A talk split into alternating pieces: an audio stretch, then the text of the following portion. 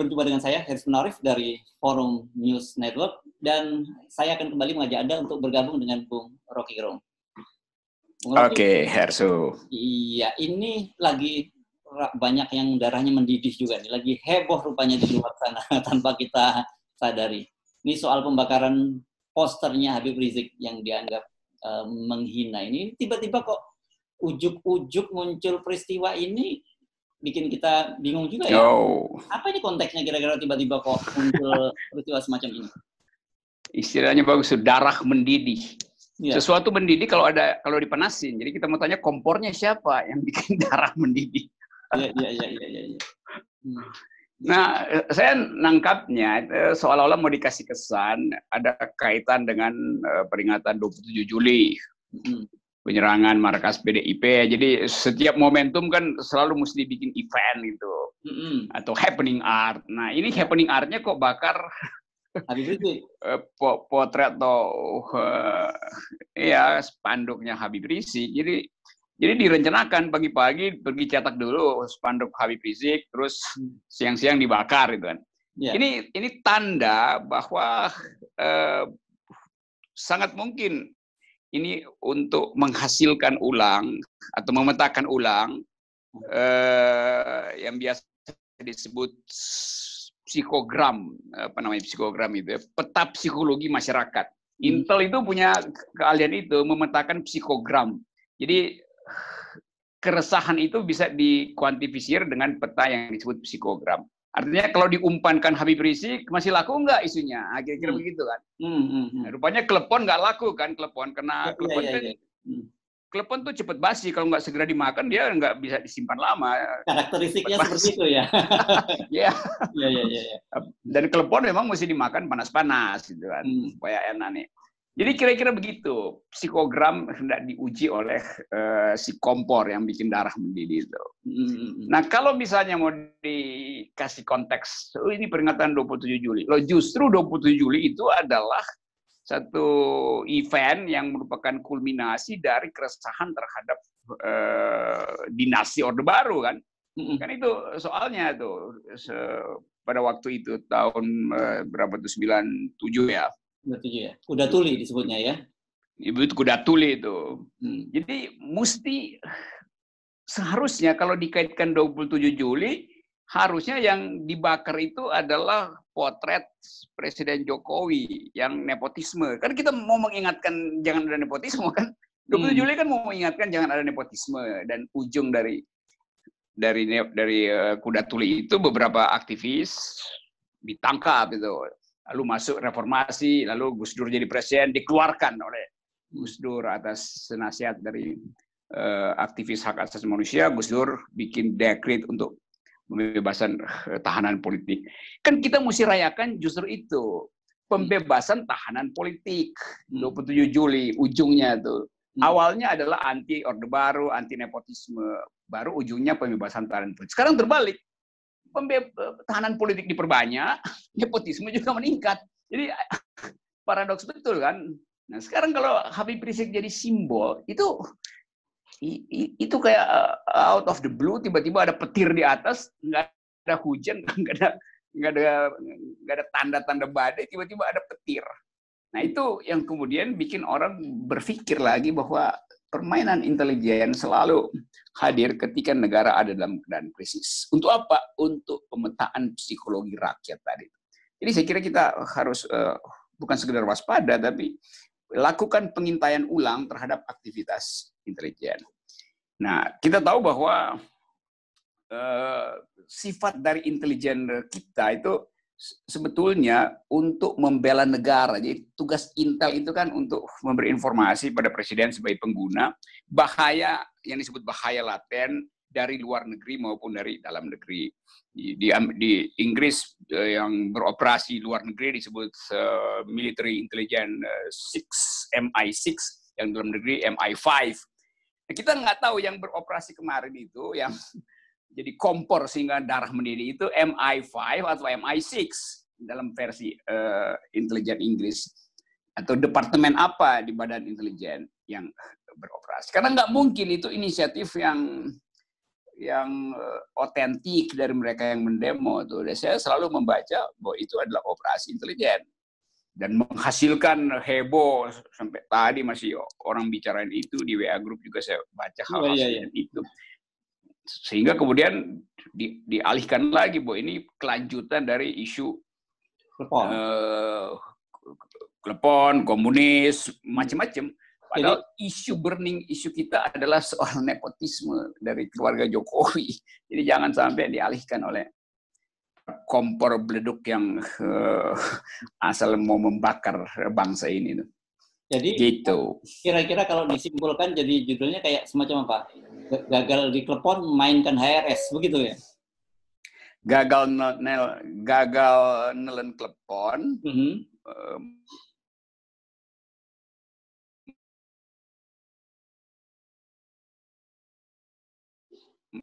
ngomel tukang klepon. Kenapa ngasih klepon yang udah basi? Masa ngomel lagi ulangi, ulangi. Ini suara ibadah. Sorry, sorry, sorry. Suara Gimana? terputus. Suara terputus. Tadi gagal. Ulangi. Gagal nelen klepon. Di gagal nelen klepon. Ya jadi orang publik itu pada telepon, itu ngasih bahan yang uh, udah udah tidak segar, bukan ngomelin Habib Rizik. Karena Habib Rizik ya nggak ada urusan tiba-tiba mesti dibuatkan poster untuk dibakar. Saya pikir Habib Rizik mungkin hari-hari ini nggak lagi mikirin Indonesia, mungkin dia lagi uh, siapin naskah ceramah Lebaran Haji kan secara online. Jadi ajaib bahwa bahwa fokusnya kok tiba-tiba ke Habib Rizik sungguh tidak masuk akal. Nah, supaya kita anggap itu masuk akal, maka itu mesti dianggap sebagai menguji psikogram bangsa itu. Ya. Itu itulah kerjaan dari kedunguan uh, aparat kekuasaan hari ini. Apa yang mau diuji memang semuanya lagi tenggelam kok. Ya. Gitu. Tapi sejauh ini uh, kalau betul memang seperti kata Anda tadi ada operasi, operasi ini jauh sukses ya karena dia paham betul ya, mereka benar-benar memainkan isu yang gampang meleduk ini kan.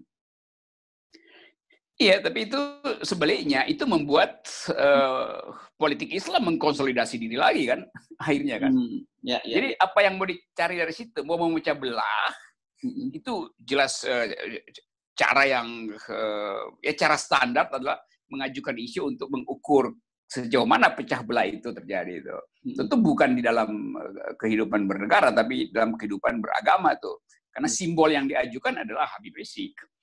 Walaupun eh, bunyinya tolak Habib Rizik untuk pulang. Loh, gimana? Jadi mestinya Habib Rizik itu dijemput oleh polisi itu. Diberi uh, surat uh, izin uh, sebagai asisten uh, ahli, staf ahli dalam atau konsultan kursus konsultan tentang Pancasila kan Habib Rizik nulis disertasi tentang Pancasila. Iya iya iya. iya. Masa ditolak justru. Yeah. Atau Habib Rizik di, dijadiin ke, kepala BPIP itu lebih tepat karena dia lebih paham Pancasila daripada mereka yang klaim sebagai pewaris pikiran-pikiran Pancasilais itu. Ya. Oke. Jadi artinya kalau memang ini betul operasi, ini eh, betul-betul operasi dungu ya, karena dalam situasi sekarang ini kan segala macam apa pembelahan itu kan sangat merugikan bagi pemerintah dalam situasi seperti sekarang. Iya, saya menghitung atau ini dikerjakan sebagai uh, reaksi terhadap soal-soal yang kemarin itu. Mm-hmm. Tapi itu harus ada momentum mestinya tuh. Ya. Atau ini dikerjakan tadi untuk uh, mapping, remapping uh, keresahan publik. Dua-duanya itu gagal.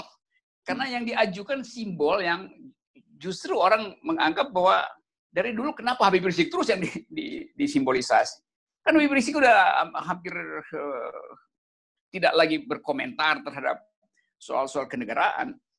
Bahkan eh, saya membaca beberapa komentar seolah-olah Habib Rizik menganggap bahwa ya Indonesia ada di dalam kondisi yang sudah diprediksi oleh semua orang, bukan Habib Rizik yang prediksi. Ahli-ahli prediksi bahwa kita akan masuk di dalam di dalam kesulitan ekonomi, di dalam uh, kerawanan politik, di dalam uh, pembelahan masyarakat dan semua itu bahkan diterangkan oleh analis-analis dari Australia, saya baca dari Kanada, Eropa. Jadi seluruh kejengkelan pada Habib Rizik sebetulnya nggak ada alasan lagi. Dulu mungkin bisa Habib Rizik mengatakan Indonesia akan bubar, Indonesia bermasalah dengan korupsi. Tapi semua itu dibenarkan oleh analis dalam maupun luar negeri. Jadi yang dibayangkan Habib Rizik itu betul. Dan kenapa dia mesti dibakar? Ya, iya, iya. Jadi kalau, tapi kalau dengan dengan segala macam kedunguan tadi kita jangan curiga jangan-jangan ini si memang ini si intelijen partikelir nih Bung Rocky yang tidak yang dia cara berpikirnya pendek saja dia nggak kalkulasi yang lebih jauh seperti yang anda jelaskan tadi gitu. Saya juga menganalisa hal yang sama. Kalau dia intelijen partikulir yang biasa disebut Intel Melayu yang yang otaknya standar doang tapi mau bermain di wilayah Intel itu juga pasti atas insinuasi dari Intel aslinya tuh yang tadi ingin bikin mapping tuh. Nanti akan disalahin loh, bodoh banget tuh bikin bikin event yang semacam itu. Kan nggak mungkin Intel resmi itu menyuruh Intel partikulir ini dengan desain yang lengkap. Itu satu waktu bisa dibongkar. Pasti dia cuma kasih sinyal tuh. Coba deh bikin demo nih ada duit sedikit. Ya mau soal apa? Ya bikinin sendiri deh. Nah, Intel partikular ini nggak punya kemampuan berpikir abstrak kan buat bikin demo. Maka tiba-tiba bakar foto Habib Rizik dan nggak kebakar pula kan. Begitu nggak kebakar, timbul uh, konsolidasi baru tuh kan. Kalau Habib Rizik uh, betul-betul laknat itu pasti terbakar tuh. Jangan kan disiram bensin. ya, ya, disiram ya. air keras saja. Ya, ya, itu salah kan? Hmm. Nah, mestinya dilatih dulu tuh, ini barang ini bisa dibakar apa enggak? Jadi latihan belum ada. Iya, iya, iya. Itu partikulir tuh, nggak ada, ada latihan. Kalau itu, ada, uh, itu intelijen. ada loka karya. Kalau semua hal dikalkulasi dengan baik, itu intelijen profesional, bukan intelijen partikulir. Ya, karena itu. Intel profesional nggak mau ngasih semua ilmu. Dia takut kalau dikasih semua ilmu, benar-benar dilakukan secara profesional, maka yang dituruh Intel yang profesional kan. Ya, ya, kan ya. dicoba kan, kalau nggak bisa dibakar, ya sebaiknya disiram air raksa, air keras. Itu plastik kalau disiram air keras dia meleleh juga. Oke, okay. jadi kalau dengan lihat perspektif anda ini sebenarnya eh, peristiwa ini menunjukkan sebuah kedunguan dari sebuah kedunguan baru lagi gitu ya. Ya, jadi uh, desain yang dungu itu hmm. selalu akan berakibat pantul baliknya juga kedunguan kan. Dan akhirnya diolok-olok kan. Jadi bukan demonya yang di, yang jadi gede tapi peristiwa tidak terbakarnya. Iya, uh, iya, iya. Potter tapi berisik. Dan itu bikin ngakak tuh. Mana mungkin kok. Ya, Udah disiram bensin atau mungkin kebanyakan dipegang orang jadi keringat eh, barang itu sehingga jadi basah begitu dibakar nggak bisa jadi itulah bikin demo nggak pakai akal demo mesti berakal sehat juga baru sempurna ya mungkin orang seperti anda bisa melihat ini dengan hmm. dengan apa dengan eh, kocak gitu karena ini eh, selalu menunjukkan kedunguan-kedunguan tadi tapi banyak juga rupanya yang terpancing ini kemarahannya karena bagaimanapun kan posisi Habib Rizik ini di sebagian kalangan umat atau para pendukungnya ini kan tentu sangat dihormati dan kalau penghinaan terhadap uh, Habib Rizik itu juga dianggap juga penghinaan kepada mereka. Iya memang karena sebagian orang menganggap Habib Rizik imam besar. Yang lain boleh bilang enggak dia imam kecil, imam sedang enggak, tapi ada yang anggap dia imam imam besar. Jadi hormati uh, uh, achievement Habib Rizik berdasarkan legitimasi yang diberikan oleh pendukungnya kan. Ini biasa aja kan kita harus terima itu. Jangan dikecil-kecilin. Oh, pengikutnya ada kok banyak. Dan mungkin juga Habib Rizik kan selain sebagai uh, orang yang paham agama, dia juga sangat humoris kalau saya perhatikan kan. Hmm, hmm. Jadi mungkin juga di sana begitu, begitu dilihat uh, peristiwanya di YouTube, hmm. wah foto gua nggak kebakar. Mungkin dia komentar, gua kata juga apa lu. jadi iya, iya. bagian-bagian itu yang jadi parodi itu iya. mau membakar tapi gagal membakar nah itu kemudian nanti setelah pulang ke markas si Intel Intel partikelir ini yang gagal membakar itu diomelin sama bosnya goblok lu begitu aja nggak bisa dibakar. Konflik internal lagi itu. Saling selain dia yang jadi salah bawa jadi menurut anda menurut anda sebenarnya harusnya uh, ini kalangan pengikut Habib Rizik dan juga umat Islam gitu harus lihat lebih rileks gitu ya melihat persoalannya jangan terlalu serius iya tuh. Uh, rileks saja kalau kalau saya boleh kasih kasih uh, usulan santai aja, rileks aja. Bayangkan aja bahwa Habib Rizik juga ngakak-ngakak lihat uang kebakar. Komentar Betawinya keluar tuh. WKT juga apa? Lu nyoba-nyoba. Tapi kalau lihat sekuennya seperti ini, kelihatannya kita tidak perlu kaget lagi kalau muncul lagi kasus-kasus serupa dengan modus yang berbeda. Ya. Kelihatannya akan begitu, Bung Rocky. Ya, ini pola ini akan berlangsung dalam upaya untuk menghasilkan uh, nuansa lain supaya orang lupa bahwa ada politik dinasti, bahwa akan ada BUMN yang gagal bayar, dan sangat mungkin dalam satu dua minggu ini terpaksa mesti dibuka data bahwa sekian mungkin ya mungkin sekarang udah belasan bank yang sebetulnya krisis likuiditas dan seharusnya dia harus di uh, di opname itu. Ya. Jadi bank-bank yang seharusnya ditutup juga pada akhirnya satu-satu akan eh, keluar kan. Ya. Jadi sinilah konyolnya upaya untuk mengendalikan opini publik tidak mungkin terjadi kalau para pelaku opini publik istana itu uh, nilainya D semua alias dungu. Oke, jadi kalau gitu kita mesti kasih uh, eh, PR mereka lain kali kalau bikin apa semacam operasi-operasi begitu harus lebih canggih lagi lah gitu. Jangan kelihatan uh, amatir sekali seperti kasus Habib Rizik apalagi kasus telepon gitu. Ya, saya, saya usulkan ini kalangan yang ingin bikin demo lagi itu yang dalam upaya disuruh oleh intel negara atau dibisiki oleh uh, staff-staff uh, tertentu di istana coba bikin webinar dulu tuh. Jadi dibikin uji coba. uh, undang para ahli ahli kimia jadi supaya dia tahu bahwa reaksi antara apa namanya plastik dengan dengan api itu membutuhkan suhu tertentu dan kelembapan tertentu kan dia, mesti dia pelajari tuh supaya kalau dia cet bakar ah kebakar tuh ya. supaya nggak diledek balik oleh Habib Rizik ya.